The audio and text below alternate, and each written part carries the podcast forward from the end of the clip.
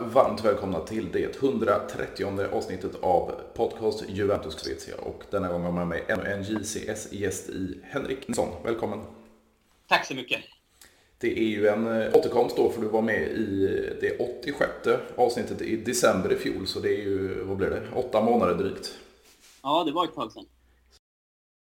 Det, det, det finns väl en del att, att diskutera sedan dess. Eh, vi kan väl hoppa in direkt på lördagskvällens match då mot, mot Roma. Vad, vad tycker du om denna match?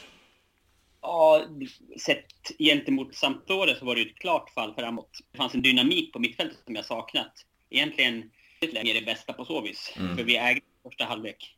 Även om vi hade svårt att förvalta de chanserna liksom, så var det ju bra att ha ett mittfält med dynamik och kraft. Som kunde vinna matchen i sig. Liksom. Vad tror du då var skillnaden? Alltså vi, vi fick ju se en... Jag blev väldigt förvånad när jag såg startelvan att vi fick se, se Miretti. Eh, tror du att han var kuggen som, som fattades mot Sampdoria? Ja, lite så. Han har en energi och en vilja som sprider sig. Och sen att han är snabb, att han är liksom väldigt fartfylld när han springer i djupled. Plus att Rabiot lite hamnade på andra sidan. Han brukar spela till vänster och blir mm. alltså väldigt statisk. Eller jag vet inte om det beror på hans mentalitet, men han, det kändes som att han kom lite mer till rätt när han spelade på den andra sidan. Han kom ju ofta liksom från höger och drog lite snett åt, lite längre bak i alla fall tidigare. Ja, precis. Och jag såg lite röster på, på, på Twitter, både internationella och, och svenska twittrare som, som eh, var lite på det här att ja, Locatelli ska ju vara med Sala och, och mer Miretti än register i den här uppställningen. Men jag tycker inte någon av dem är riktigt en register. Vart Locatelli eller Miretti? Nej, nej, båda är ju egentligen... Jag vet inte, hur det gå i stöpen med Paredes, jag vet inte. Men eh, Rovella är väl den som kanske är, som, han är väl på väg ut. Jag vet inte hur mm. nära han är som han ut nu. Men han tror jag skulle kunna passa perfekt som register. Och sen, ja, Miretti och Locatelli som, som med Salas tills Pogba är tillbaka. Jo, men det känns lite så här alltså, att Allegri startar med Miretti i tredje omgången. Det, det, dels känns det inte likt eh, Allegri, men, men eh, tror att det är den här mittfältssituationen vi besitter här? Alltså Paredes har inte anslutit än. Det är osäkert om han gör det överhuvudtaget. Och, och man sitter på de här tre, alltså Miretti, Rovella och eh, Fagioli som ja, kommer lämna om vi får in Paredes. Så det, så det är lite det som tvingar Allegri till att starta med detta kanske. Precis. Ja, jag tror att han blev väldigt... Att döma av det han har sagt i media så verkar han ha varit väldigt imponerad av, med all rätt av Miretti. För han har ju talat om honom som en blivande toppspelare och så. Mm. Så att, att han blev så imponerad att han ville ta honom. Och han tyckte nog att han han pratade också om att han var väldigt mogen i sitt spel. Och, så han tyckte nog helt enkelt att han var redo för att göra ett, en, en match från start. Och det visade sig vara riktigt, för han var väl i alla fall i första halvlek bäst på plan. Ja, jag tycker det var lite udda av Allegri för han var ju inne på efter, eh, det var väl Sampdoria-matchen, han var, var väldigt kritisk mot Miretti, att han backade för mycket och inte gick framåt och så vidare. Och sen helt plötsligt så, så fick han en start och får världens beröm av, av vår tränare, så jag vet inte riktigt vad, vad Allegri såg i inhoppet mot Sampdoria, för jag tyckte att han fick igång spelet. Ja, när han kom in, han var ju, då spelade han 35, 30 minuterna, mm, då mm. var han bäst på planen då också, alltså den tiden han var inne. Han bidrog med djupledsspel och han kunde slå passningar som var lite mer farliga än de här sidledspassningarna som man ofta får se. Han blir liksom ett hot på offensiv planhålla som inte de andra mittfältarna blir. McKennie kan ju vilja ibland, men han har inte kunskaperna. Men Miretti hade ju både viljan och kunnandet att bidra i, på offensiv del. Ja, precis. Och det, det, det, var lite så här, jag, jag twittrade lite om det själv. Det var lite kommentarer där på efter matchen. Och, och jag tycker det som var väldigt fint i första halvlek, det var ju aggressiviteten och, och eh, åter, av bollen hela tiden. Alltså man, man var ju på eh, romaspelarna. spelarna från, från sekunden man blev av med bollen och, och, tog tillbaks den och pressade ganska högt i banan. Det var lite likt, jag kommer inte ihåg vem det var som skrev till mig på Twitter, men lite likt eh, match, andra ligan mot Inter eh, förra säsongen. Eh, att man låg och pressade. Ja, precis. Det stämmer.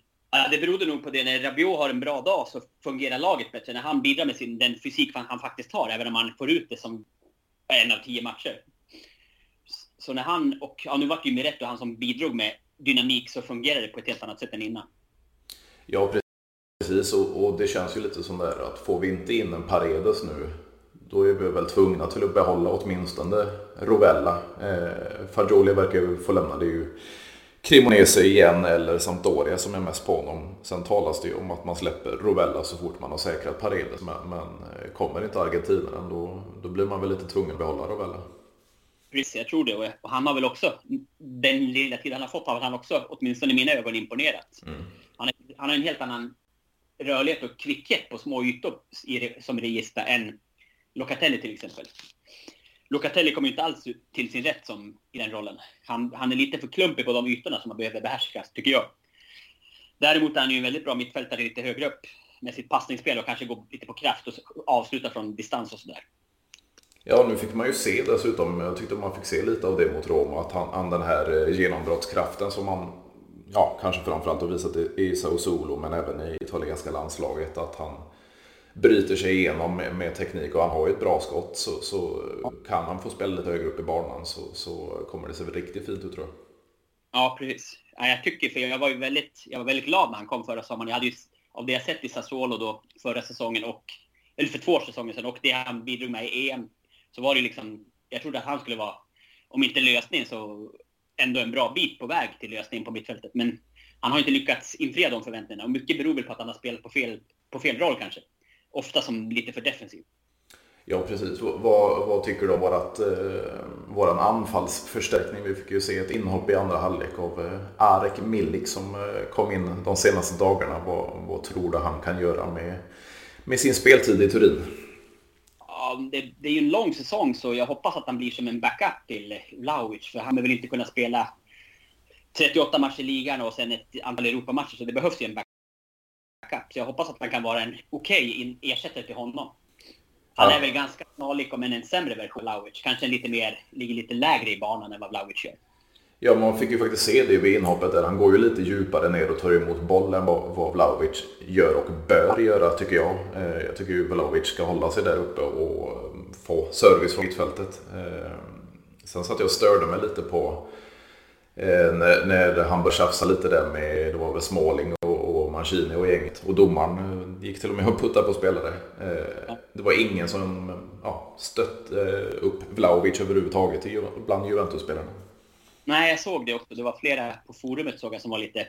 Tänkte att han inte hade gruppen med sig. Att han mm. var lite impopulär tack vare det. Men det, jag hoppas att det var bara den specifika situationen som gällde. Att det var lite orutin och lite så här tuppigt bara. Ja, för jag älskar ändå Grinta när han alltså, han, brinner i varje situation. Sen så kan det ju gå till överdrift också, men, men eh, ja, han brinner verkligen. Det ser man ju vid målet också. Han bara stirrar upp mot, eh, mot kurvan och, och visar att det är han som är den målskytten vi har saknat.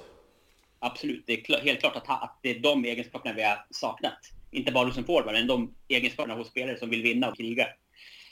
De visar att de, är, de vill verkligen göra något i den här tröjan. Så om man kan hushålla det så är det ju en jättetillgång. Ja, definitivt. Och dessutom de här, eh, det Marie sägs ju vara tillbaks mot Fiorentina. Eh, Kesa kommer ju ta längre tid, men när man får in de här anfalls och offensiva hoten så, så kommer ju Vlahovic eh, bara ösa in mål känns Precis, ja för om första matchen på säsongen då vi vann med, vilka mötte vi första matchen? Eh, Sampdoria.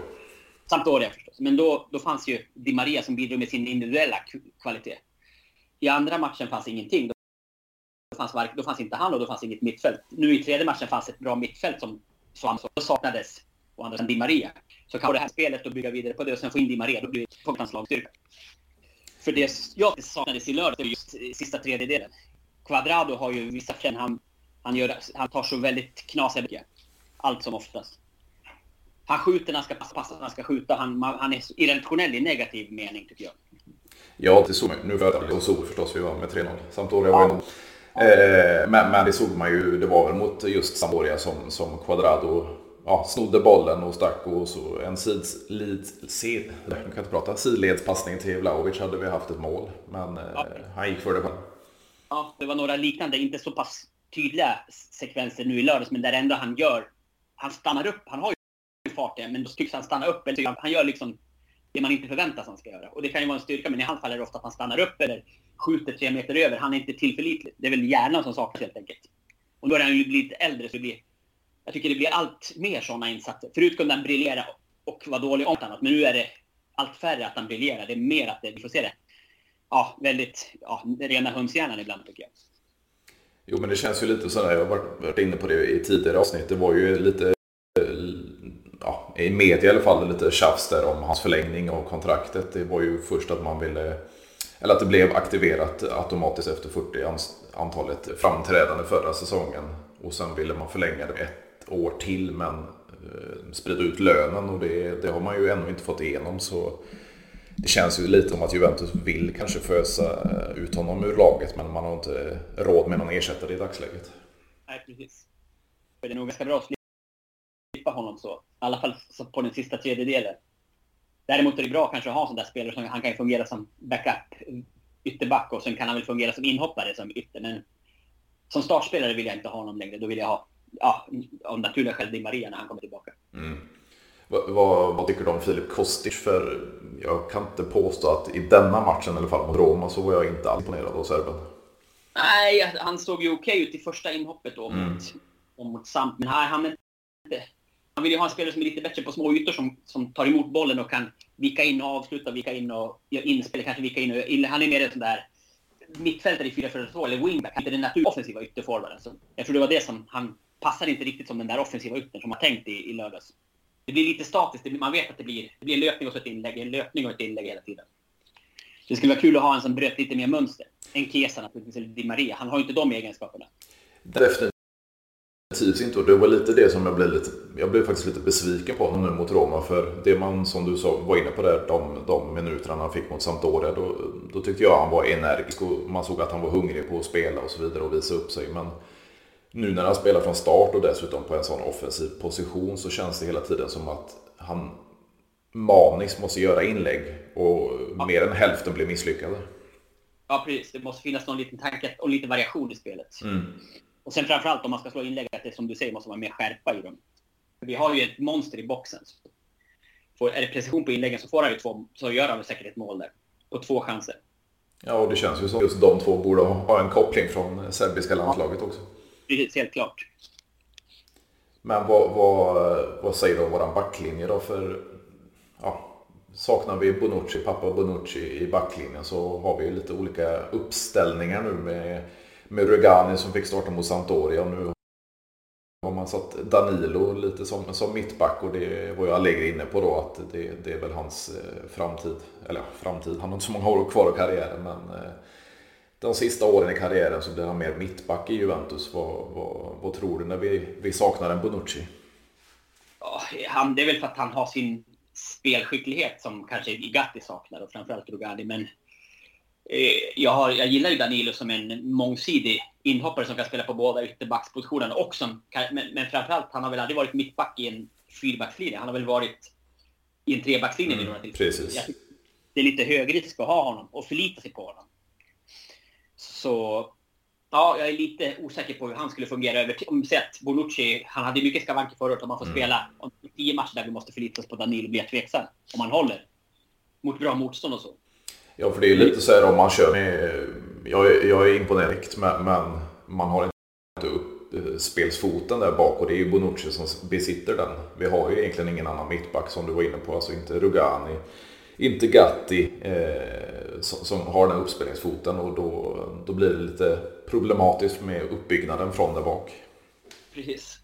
Så är det ett problem där. Och just Bonucci har ju inte varit skadad så mycket tidigare, men förra året blev han ju, var han ju ganska, jag vet inte hur många matcher han missade, men han missade ju väldigt många. Och han, nu är han 35 år, så han blir ju inte mindre skadebenägen med, med åren. Liksom. Så, så vi är lite underbemannade på backlinjen. Jag hade, I den bästa världen hade man haft en till bra mittback som kan starta. Liksom. Vad, vad tror du Allegri tänker om just eh, Federico Gatti? För eh, ja, det känns ju inte som att han har tilltro till honom redan. Eh, alltså om man sätter in en Rugani bredvid Bremer i förra matchen så, och nu, nu en Danilo då. Vad, vad tror du Allegri tänker om Gatti? Ja, det är väl kanske hans gamla vanliga åkommor att han, vet, han har lite svårt att få in nya namn och så. Han förlitar sig mycket på rutin och erfarenhet och sådär. Men Gatti är bra. Jag har ju bara sett i landslaget. Då tycker jag han var stabil. Mm riktigt bra, imponerande sådär. Men det kanske blir en annan situation. Jag vet inte. Han, det handlar väl helt enkelt om spe, uppspelfoten.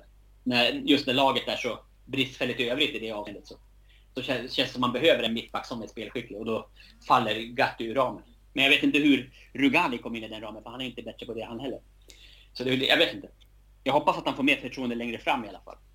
Jo, men det är lite som vi var inne på med, med Rogan förra säsongen. Då, då gjorde han ju ändå några hyfsade matcher. Men, men nu när han spelar mot Sampdoria och livrädd i varje situation. Det, det, han är så fruktansvärt, efter alla år, både i Juventus och på, på lite lån. Han är fortfarande så jäkla valpig så jag, jag blir inte klok på honom. Nej, han, han ska, han, alltså det är ett underbetyg att han ska finnas i truppen. Han är för dålig för att vara ens backup. Det är ju så utsatt position. Även om man är inte är första val så kommer det bli situationer där man måste spela från start och då är man ju som mittback ganska utsatt och då måste man vara bättre i ett lag som Juventus än vad Ogani är. Så han håller inte. Han är för vek psykiskt. Han har inte utvecklats. Han, har, han är inte tillräckligt stark psyk för att ta den positionen. Så det är ett underbetyg. Man skulle hellre haft någon annan där än honom. Han ska inte ens vara reserv i Juventus.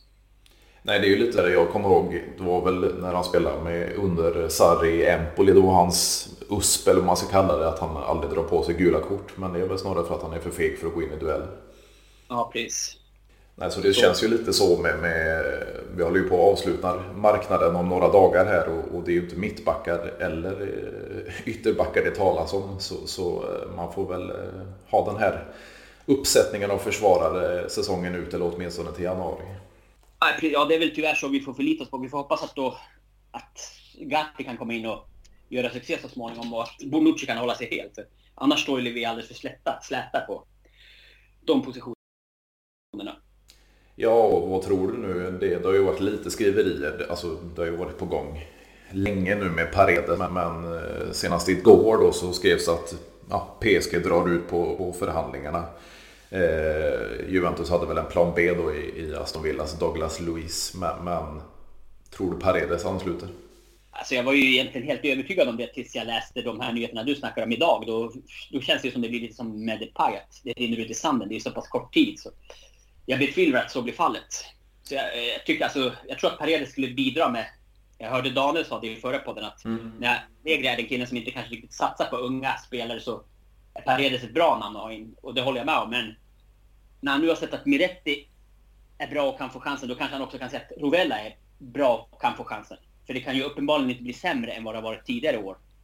Så jag hoppas att han kanske, nu när det drar ut med Paredes, att de kanske ger Rovella chansen. För han kommer hålla tror jag. Jag är övertygad om det. Det kommer som sagt inte att bli sämre. Och han är en naturlig regista till, till skillnad från de andra mittfältarna vi har. Så jag tycker bara han kommer bidra med saker de andra killarna inte gör. Sen kanske, kanske ett enstaka misstag, men de kommer inte bli matchavgörande. Han kommer däremot addera saker som vi inte har tidigare. Så ge honom chansen bara.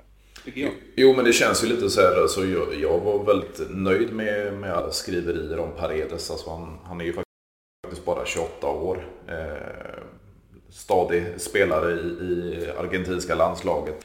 Kanske inte har en, en startplats hela Paris Saint-Germain, men, en register som vi behöver i truppen. Men får man inte in honom så absolut sätt Rovella som, som register och så flytta upp Locatelli. Eh, ha med rätt där just nu i alla fall och sen får vi se när, när Pogba kommer tillbaks. Men eh, alternera de fyra på mittfältet så, så har vi ett, en väldigt bra start, startuppställning. Alltså jag är helt med. För jag, som sagt, jag hade också gillat Paredes. Det är en duktig spelare. Han kan också Italien. Men det får inte dra ut på tiden så att vi står där till sista minuten av Mercaton och då tar in honom på bekostnad av någon av de unga killarna. Istället för att hålla på och ge sig in i ännu en sån här utdragen transferhistoria. Satsa på Vella. Han, han kommer att göra det bra. Ja, så det är ganska många flyttrykten fortfarande. Vi har ganska många mittfältare redan nu. Men alltså Fagioli kan lämna Eh, Rovella är väl redan på gång till Monza om Paredes kommer in eller inte. Nu snackas det en hel del om Artur igen. Det var ju Porto, det var Lyon och det var Everton som, som visar intresse nu på de senaste dagarna. Så kan vi bli av med brassen. Så eh, ja, det ser väldigt bra ut tycker jag med eh, att bli av med, med till dödkött så att säga. Det är väl synd att vi inte lyckades skeppa Rabiot då kanske. Ja, det var ju det som sätter lite smolk i transferbägaren, vad ska man säga. För det kändes ganska bra att vi hade fått några prisvärda lösningar med Kostic och sådär och Bremen inte minst. Så det kändes som en bra Mercato. Men sen det här Rabiot-historien sätter ju ett annat ljus på Mercaton tycker jag. Det gör att man blir lite besviken för man var ju ganska trött på Rabiot.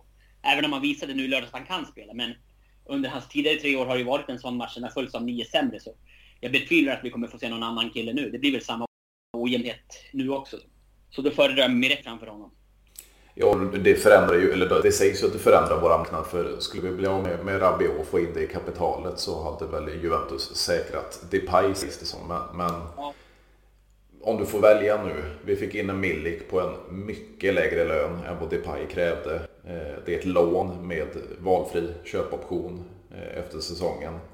Och Eh, det är ganska olika spelstilar. Alltså Depay hade väl gett en större mångsidighet till vårt anfall.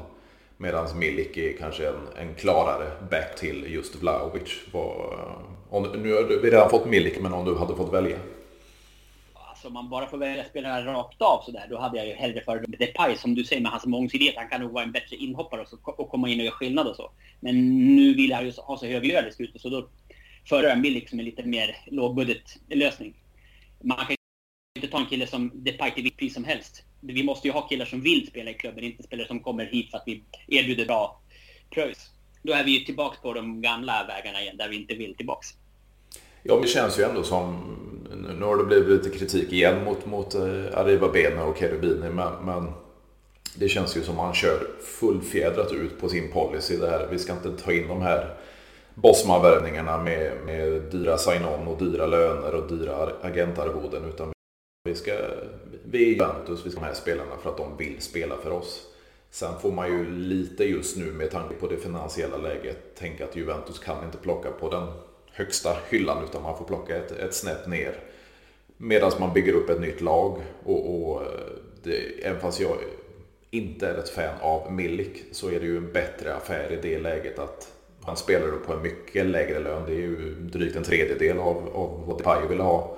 Eh, eh och dessutom ett, ett lån då. Eh, hade vi säkrat Depay hade han brutit faktiskt med Barcelona och så skrivit på ett eh, sätt tror jag var med, med Juventus. Och då, då sitter man ju där om man inte presterar. Så är det. Så vet jag att klubben gjorde rätt och det är rätt att stå och hålla den här vägen nu. För nu har vi, vi har haft ett helvete rent ut sagt med Rabiot och med Ramsey och sådär. Killar som, och Artur också, sådana här olyckliga affärer. Med spelare som egentligen inte ville till, till vår klubb. Och det har ju aldrig varit signumet för Juventus utan det måste vara hjärta och, och sådär. Och grinta, det ska ju vara Juventus melodi. Och det, jag jobbar gärna tillbaka och det får gärna ta några år. Bara vi kommer bort från sånt där skit som vi har haft de senaste tre åren. Och sådär. Ja, precis. Och, och, vi får ju se hur det blir nu med, med Di Maria tillbaka som sagt i helgen redan verkar det som mot, mot eh, Fiorentina. Vi får tillbaka en Bonucci verkar det som.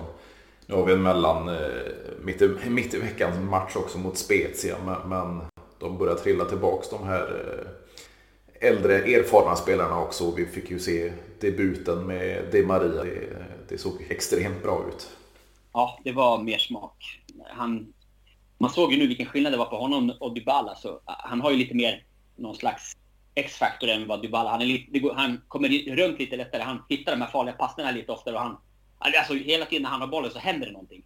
Dybala kunde kanske göra en, en klack en gång i kvarten och sen blev han hyllad för det, men det hände inte så mycket mer. Han kunde försvinna i matcherna. Den här killen gör verkligen skillnad. Bidrar verkligen på sista tredjedelen. Så han är helt klart en klassspelare. Vad, vad tyckte du om just Dybala i Roma-tröjan mot oss? Han var väl sådär som han har varit i Juventus sista åren. Han var väl inte jättebra. Han var helt okej, okay, men inte mer än så. Han saknar lite fysik och lite tempo för att bli den där världsstjärnan som, som många har velat haft honom till. Nej, Nej men alltså det, det, det, det såg ju inte... Jag tycker han är lite mellanmjölk. Ja, det var inte alls bra. Och ärligt talat så såg han ut hos oss. Nu var han ganska ofta skadad förra året så det är mm. svårt att ge någon rätt. Men jag tycker att det allt för ofta såg så ut för honom i Juventus de sista åren i alla fall. Så han, han saknar den där lilla extra för att bli den där toppspelaren. Och då kan man inte ha Dybala. Han är för svår att placera. Så det var bra, rätt att vi gjorde, gjorde oss av med honom. Även om det är liksom i den bästa världen är, är härligt att ha en sån här kille som han. Men det var helt rätt sportsligt.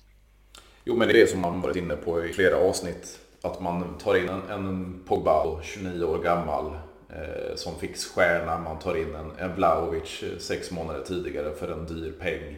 Man tar in Di Maria på ett kort eh, tidskontrakt. Man eh, vill ju återbygga, eller man vill komma tillbaka redan nu och sen sedermera återbygga en, en slagkraftig eh, trupp direkt. Utan man vill inte sitta och vänta några år till.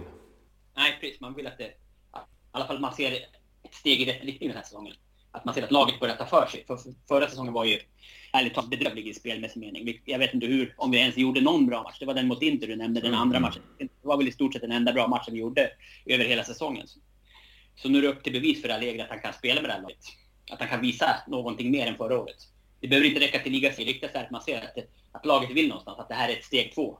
Och att vi sen kan utveckla oss ännu mer så att vi så småningom är tillbaka här och vinner ligatitlar och så. Ja. Jag tror att de, mm. ja, om vi har tur säsongen kan vi vara med och utmana redan nu. Men eh, det är ingen panik för mig om vi inte är där, bara vi ser utvecklingen och att vi närmar oss tidigare nivåer. Liksom. Och det, som, som supporter till en klubb är man ju väldigt upp och ner med tanke på hur det varit för Juventus eh, ja, sedan några säsonger tillbaka nu.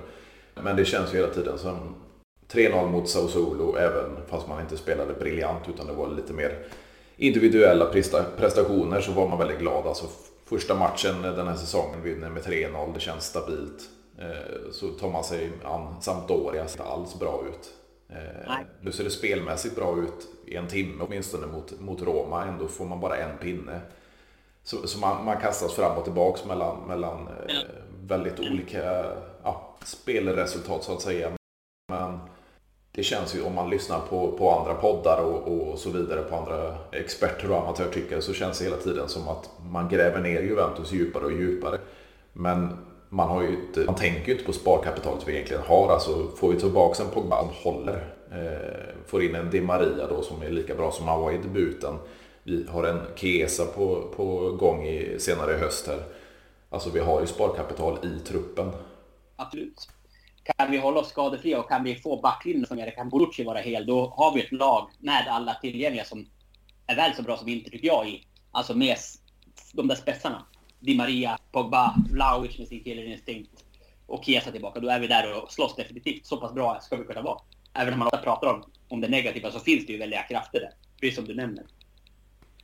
Ja, vad tror du då om vi ser lite framöver? Vi har om, om två dagar en, en mitt i veckan match då mot Spezia och sen så blir det en match mot Fiorentino när, när Vlahovic återigen får spela med sin gamla klubb. Vad, vad tror du om de två kommande matcherna? Jag hoppas att vi kan bygga vidare på det vi såg mot Roma. Att vi kan bygga vidare på ett mittfält som kan vinna matcherna. Och att vi kan med Di Maria tillbaka även kan skapa chanser sista tredjedel. Så vi blir att räkna med så de där målen som vi borde göra. Så om det kan fortsätta så, så tror jag att det blir några segrar nu. Att det kan se lite bättre ut. Jo, men det känns ju som att när Allegri vågar då satsa med, med, med rätt ifrån start och få igång ett spel, en liten spelmotor där, fast inte, som sagt, ingen av oss ser honom som regista, men en spelmotor lite högre upp i banan. Hela tiden vill ha boll, hela tiden ha rörelse i sig och, och kan stå för de här småpassningarna mitt i, mellan linjerna så att säga. Då, då, då känns det ju som att vi har någon, en spelidé på gång åtminstone, även fast vi inte har full trupp. Absolut. Så var var väl skönt trots allt att man fick se matchen mot, då fick man ju ändå någon form av hopp. För efter Sampdoria kändes det ju hopplöst när det var så bedrövligt. Man såg statistiken efteråt var ju liksom burk. Men då började man tvivla på Allegri där igen. Men nu känns det som det finns någonting att bygga vidare på. Så man får bara hoppas att vi får tillbaka de skadefria spelarna och att Allegri fortsätter våga spela med Rätti och, och sådär. Och att han även vågar spela Rovella, hoppas jag då. Vad tror du? Men vad tror, vad tror du om det här just med, med Allegri? Jag var väl inne på det ganska mycket mycket i förra avsnittet, men, men tror du att han är ett man för att bygga upp oss igen? Jag har tvivlat på det mycket för jag tyckte som sagt förra säsongen var så fruktansvärt dålig. Även om vi hade skador så såg man ju ingen tillstymmelse till utveckling. Det var liksom dåligt tempo, ingen spelidé. Det var bara... Ja, det var alldeles för dåligt. Vi blev liksom utspelade av Torino, utspelade av flera mindre lag så där, som vi inte skulle behöva bli tycker jag. All respekt till de lagen, men man ska inte behöva ligga på 35 procent i bollinnehav och handbollsförsvara runt eget mål mot sådana lag. Då är det någonting som är fel, tycker jag. Oavsett hur mycket skador man har. Så jag vill gärna se... I viss mån kan man förklara den säsongen med att det, Ronaldo sålde sent, skadorna och sådär. Men nu är det dags för honom att steppa upp och visa om han är ett man. För min får han den här säsongen på sig. Går inte den här säsongen, då, får han, då, är, då måste man göra, göra det som helt enkelt. Har du någon på rak arm som du vill se ersätta? Ja, jag skulle faktiskt... Nu är det inget ungt framtidsnamn, men Mini gillar jag som tränare. Jag tror den fotbollen han spelar med italienska landslaget skulle man ganska lätt kunna överföra på Juventus och den fotbollen tror jag att skulle göra oss bra. Så jag skulle vilja se Mancini i Juventus. Det kanske inte är någon så här fyrverkerinamn så, men jag tror det skulle passa. Jag tror att han har nog Juventus hjärta också, även om han har en förflutet i Sampdoria och Lazio. Ja, lite vad, vad min Focus Mancini, han nämnde ju även eh, Juric då i, i stadsrivalerna. Och, och som vi båda var inne på då, det är lite en Conte-esk eh, tränare. Eh, ja. Som jag absolut inte tänkt på för just Juventus, men, men, när han sa det så, så det var något som klingade i alla fall. Precis. Nej men, eh, de namnen som Daniel och du nämnde då, var det, vad heter han, vem var det med? Det var ett tredje namn som nämndes också. Italiano Ja, precis, precis. Ja. Men, ja, så någon av de där killarna. Vad, Men, vad, om vi har helt tvära kast eh, då som, som har stått, uppstått nu med, med Paul Pogba och broder Mattias. Vad, vad, vad tycker du om hela den här sörjan? Ja, det är olyckligt att det kommer så fort det kommer en storstjärna till Juventus så, så är det någon form av klavi med rättvisa där, eller någon elände. Så det är naturligtvis inte bra. Jag vet inte riktigt, jag har inte läst på så mycket om historien, men det är naturligtvis väldigt negativt att det blir så mycket skriverier om det här. Det är, det är väl risk att det påverkar hans mående och där också hans prestationer på planen så småningom när han är tillbaka. Så jag hoppas att det att det blåser över snart, att man får någon ordning på det. Men det är naturligtvis inte bra att det kommer upp en sån här grej igen, en sån här mediastorm. Nej, precis. Jag antar att du syftar på en viss Cristiano Ronaldo. Det var världen på våra, eller världens ögon på oss när han anslöt och kring de här återupptagna då, våldtäktsanklagelserna. Och, och, det känns ju lite som när Pogba kommer tillbaka till Juventus. Nu, nu åkte han på den här meniskskadan direkt och så kommer det här. Då, då, eh, ja, det känns ju som det förföljer oss lite. Ja, det är fruktansvärt.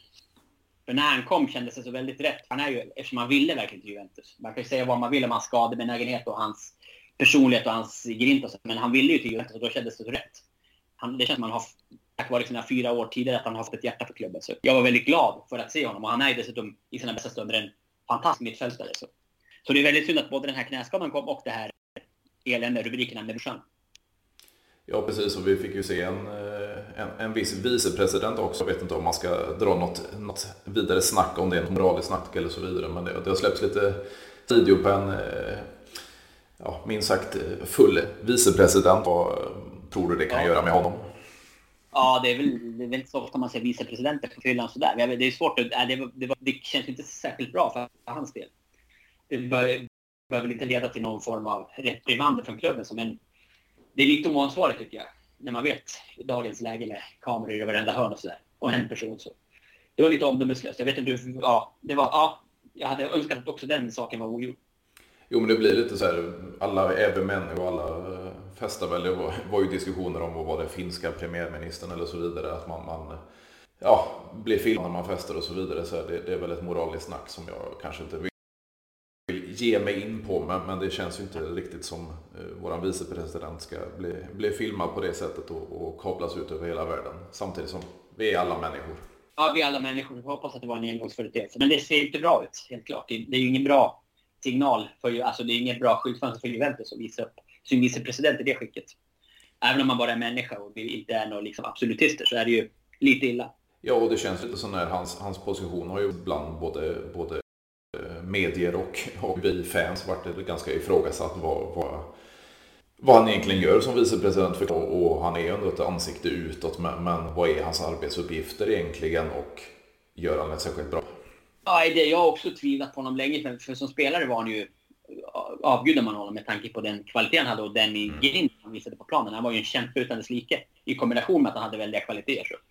Det är lite synd att han har blivit den här lite mindre lyckade vice presidenten. Jag, inte, jag tycker han borde få ut lite av det han visade på planen, borde han kunna få ut lite i, i laget idag. Men man ser honom mest sitta grinig på läktaren. Jag vet inte vad han bidrar med. Så. Nej, det känns ju inte som att han har en, eh, åtminstone utåt från klubben, att han har en tydlig roll i klubben. Alltså, vi, vi vet vad Andrea Angeli gör för klubben och, och, hans roll och så vidare. Vi vet vad Areva Bene gör, vi vet vad Cherubini gör. Men, men vad just Nedved gör och, och vad han har för speciella arbetsuppgifter, det är lite, lite svårspecificerat. Ja, han är bara Nedved. Jag vet inte vad han gör. Så det är lite olyckligt. Eller känns lite olyckligt utifrån i alla fall. Eh, sedan så tänkte jag också, vi hoppar tillbaks till, eh, vad var det, i fredags var det väl när Champions League lottades till, till gruppspelet då. Vi fick eh, Paris Saint-Germain, Benfica och Maccabi Haifa. Vad, vad tycker du om lottningen till att börja med?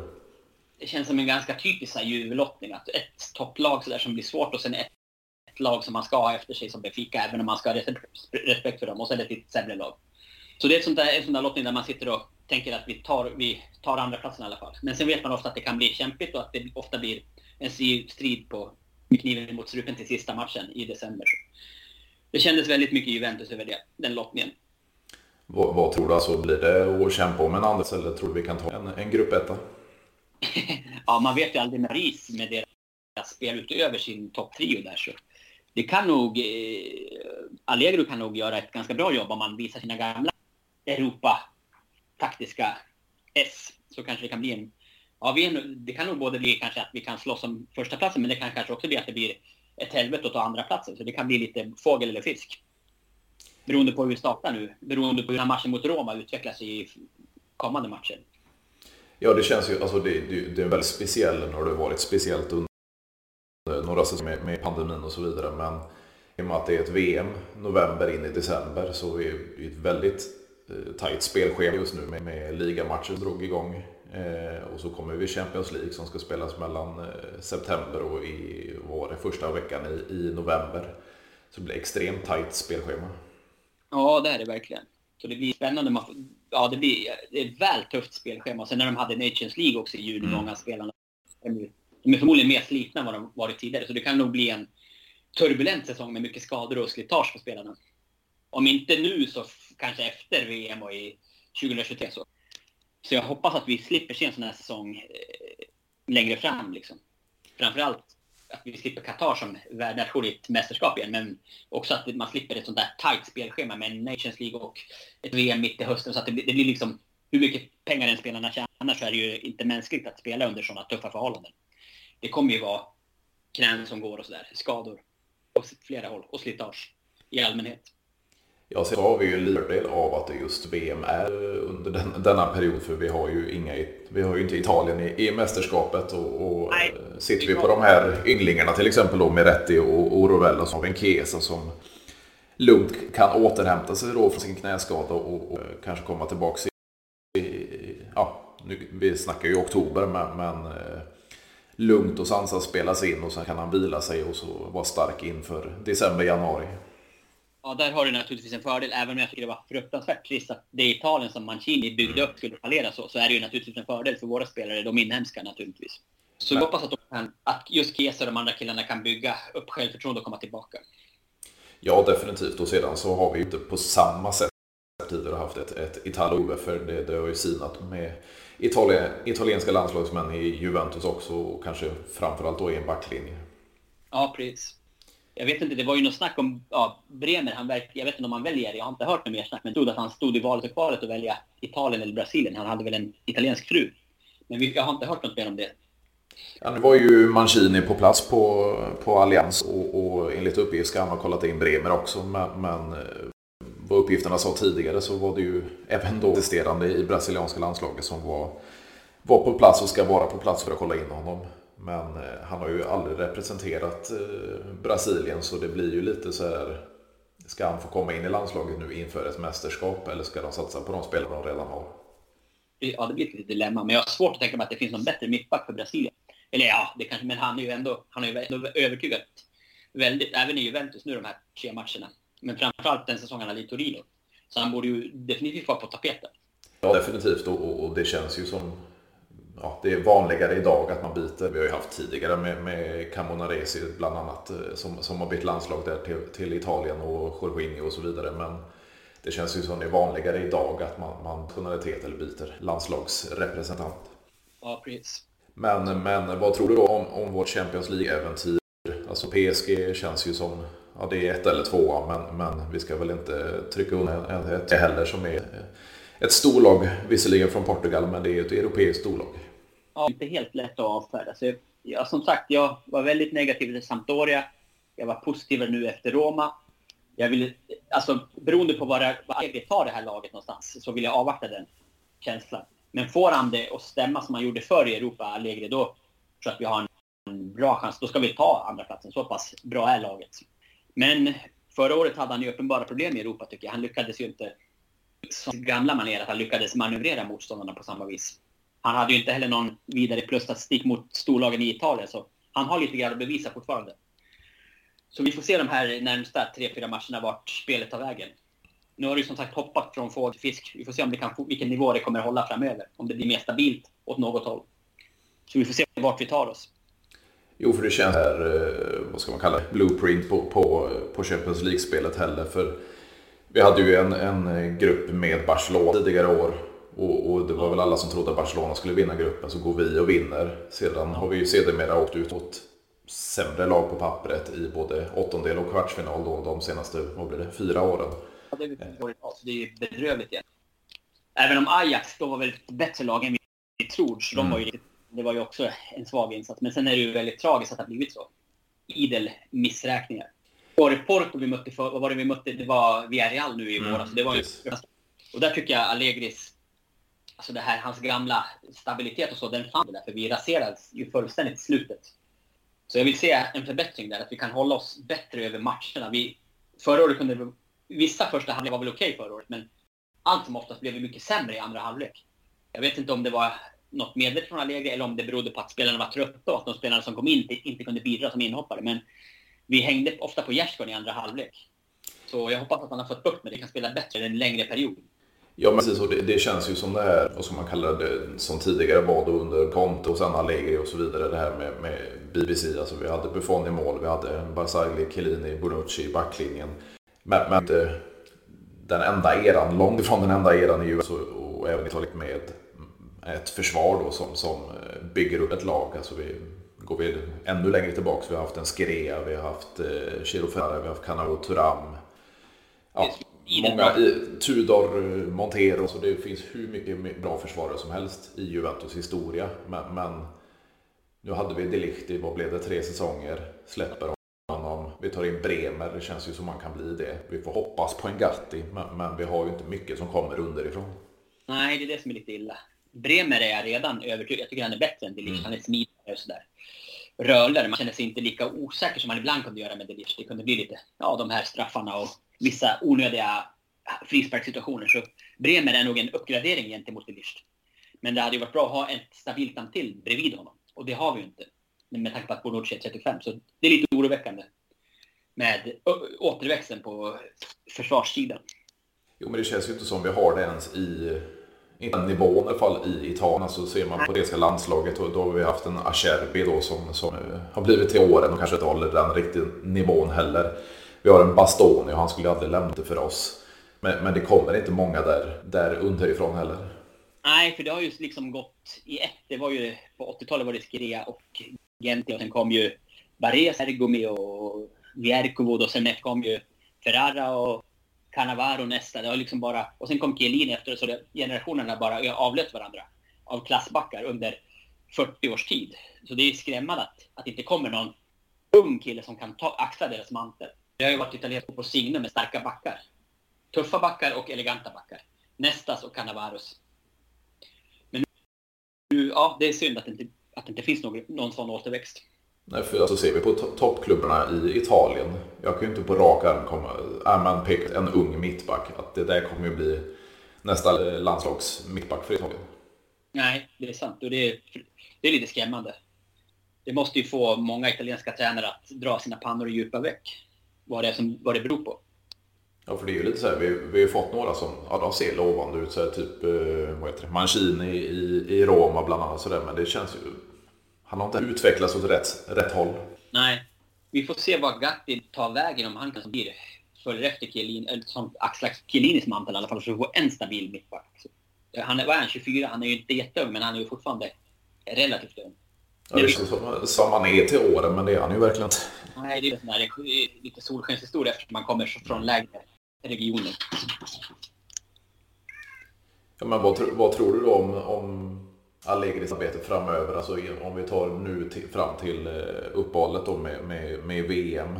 Eh, tror han får tillbaka de här spelarna från skada. Vi, vi får ju snart tillbaka en Di Maria och Bonucci som sagt. Sen kommer ju Pogba lite senare förhoppningsvis och sen eh, sedermera en, en Chiesa då när vi har ett, en full trupp som kan hålla sig skadefri.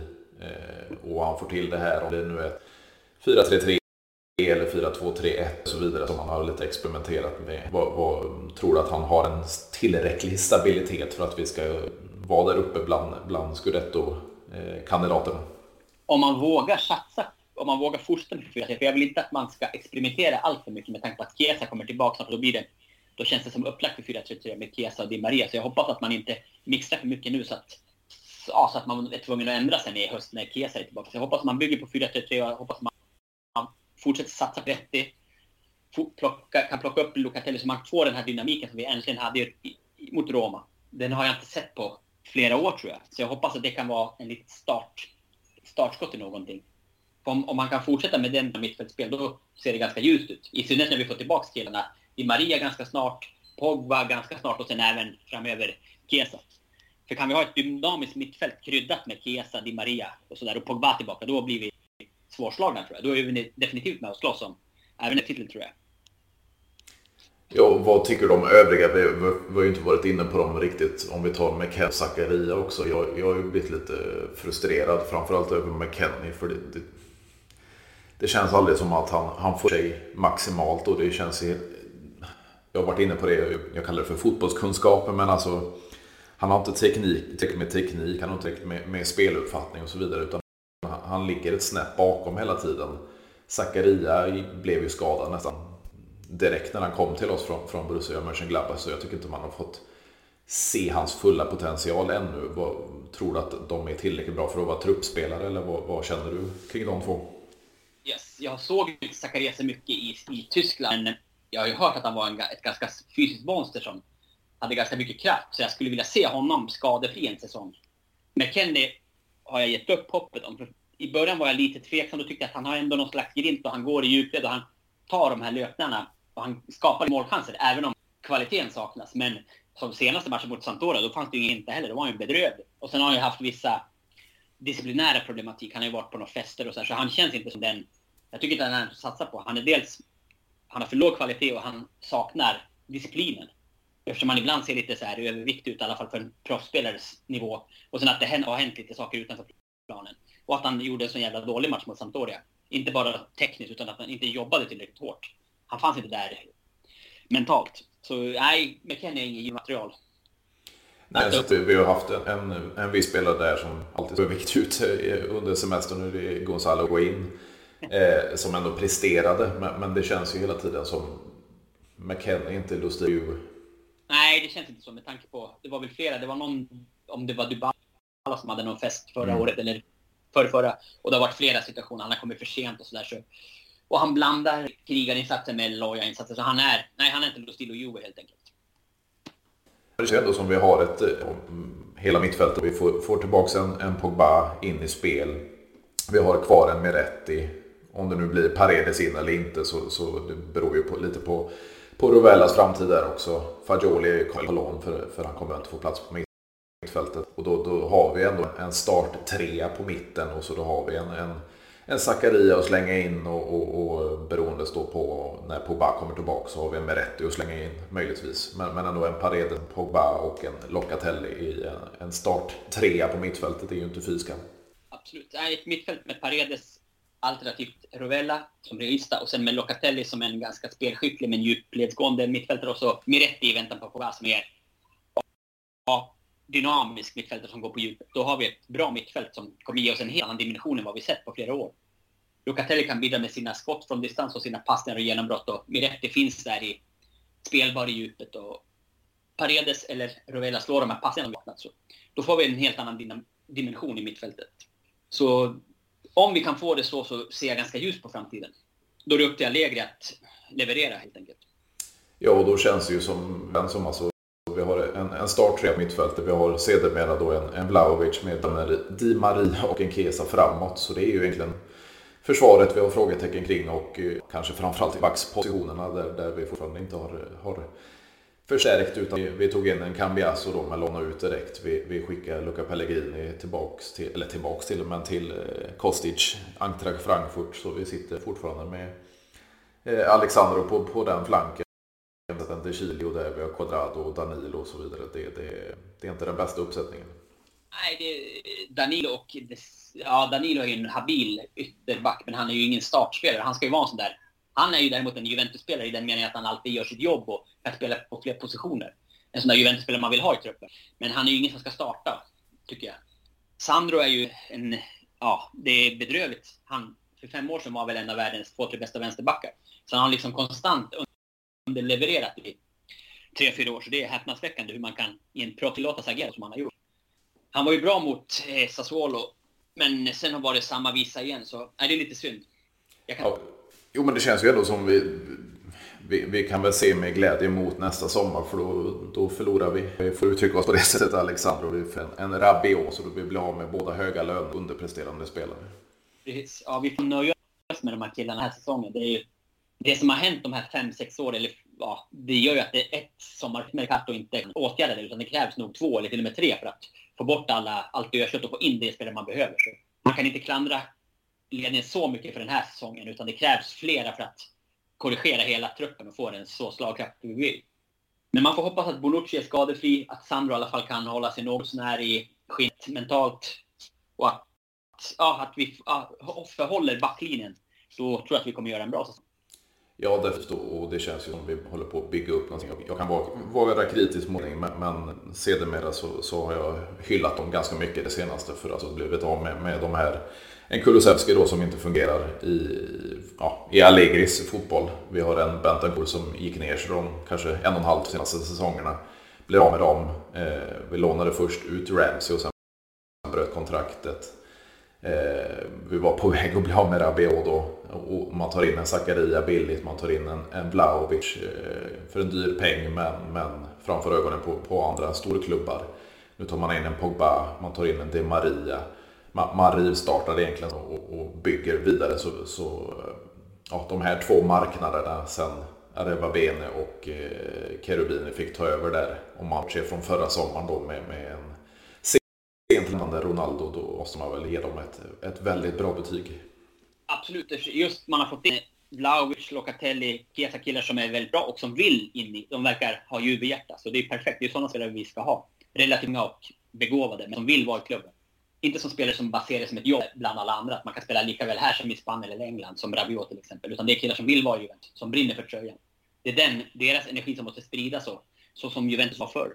Men det kommer nog ta några år, men jag tror att vi kommer komma tillbaka dit. Ja, men det känns ju som man bygger sakta men säkert upp mot det här och, och vi glömmer inte eh, ljusår sedan att det var en, en Fabio Paratici som, som gjorde ganska, eller väldigt dåligt för det får vi sona nu några år senare för att sitta på de här kontrakten. Visst, det är ju Rabiot, Ramsey och Artur som är de tre musketörerna som spelar mm. grövst. Så är det ju helt klart. Ja, nu är Ramsey borta, de har med de där tre odågorna. Ja, precis. Och skulle vi då de här sista dagarna, när transferfönstret stänger, även fast det kanske möjligtvis blir ett lån då, men blir av med, med den lönen och den spelaren, Artur. Och det talas ju lite smått fortfarande om, om Moise Keane då, som jag tycker har varit totalt värdelös. Sedan han återvände så, så känns det ju som att marknaden, eh, det, det är många plus på den här marknaden. Ja, precis. Ja, Keane ett hopplöst fall. Han bidrar inte med någon ingrediens alls i spelet. Inte med utspel, inte med djupledsspel, inte med target, inte med målskytt. Han är bara liksom, det krävs kirurgiska inlägg för att man ska göra mål. Det är allt han gör. I övrigt är det som att spela med tio man. Så han är ju, det är sällan man ser en så dålig spelare på den här nivån. Det är nästan häpnadsväckande hur då han har varit. I nio av tio matcher liksom. Ja, definitivt. Och det, det, det, det har ju inte varit bra alltså, under hela förra säsongen och nu inledningsvis. Alltså, jag är fruktansvärt trött på honom. Ja, han är usel. Han har inte rätt. Han, ja, han, ja, han har inte rätt men heller. Han kommer inte in och kämpar heller. Så. så nej, han bidrar inte med någonting och han har inget i klubben att göra tycker jag. Nej, vi får hoppas på att de här sista dagarna vi kan bli av med, med ännu mer dött, dödkött och, och, och kan säkra en paret åtminstone. Ja, precis. Det vore underbart. Men som eh, sist, stort tack för att du ville med och köta lite Juventus igen så får vi väl ta ett lite, lite längre in på säsongen. Ja, tack själv. Det var kul att vara med igen. Alltid en ära. Helt så, så får du ha det Ja, detsamma. Tack. hej. hej. hej.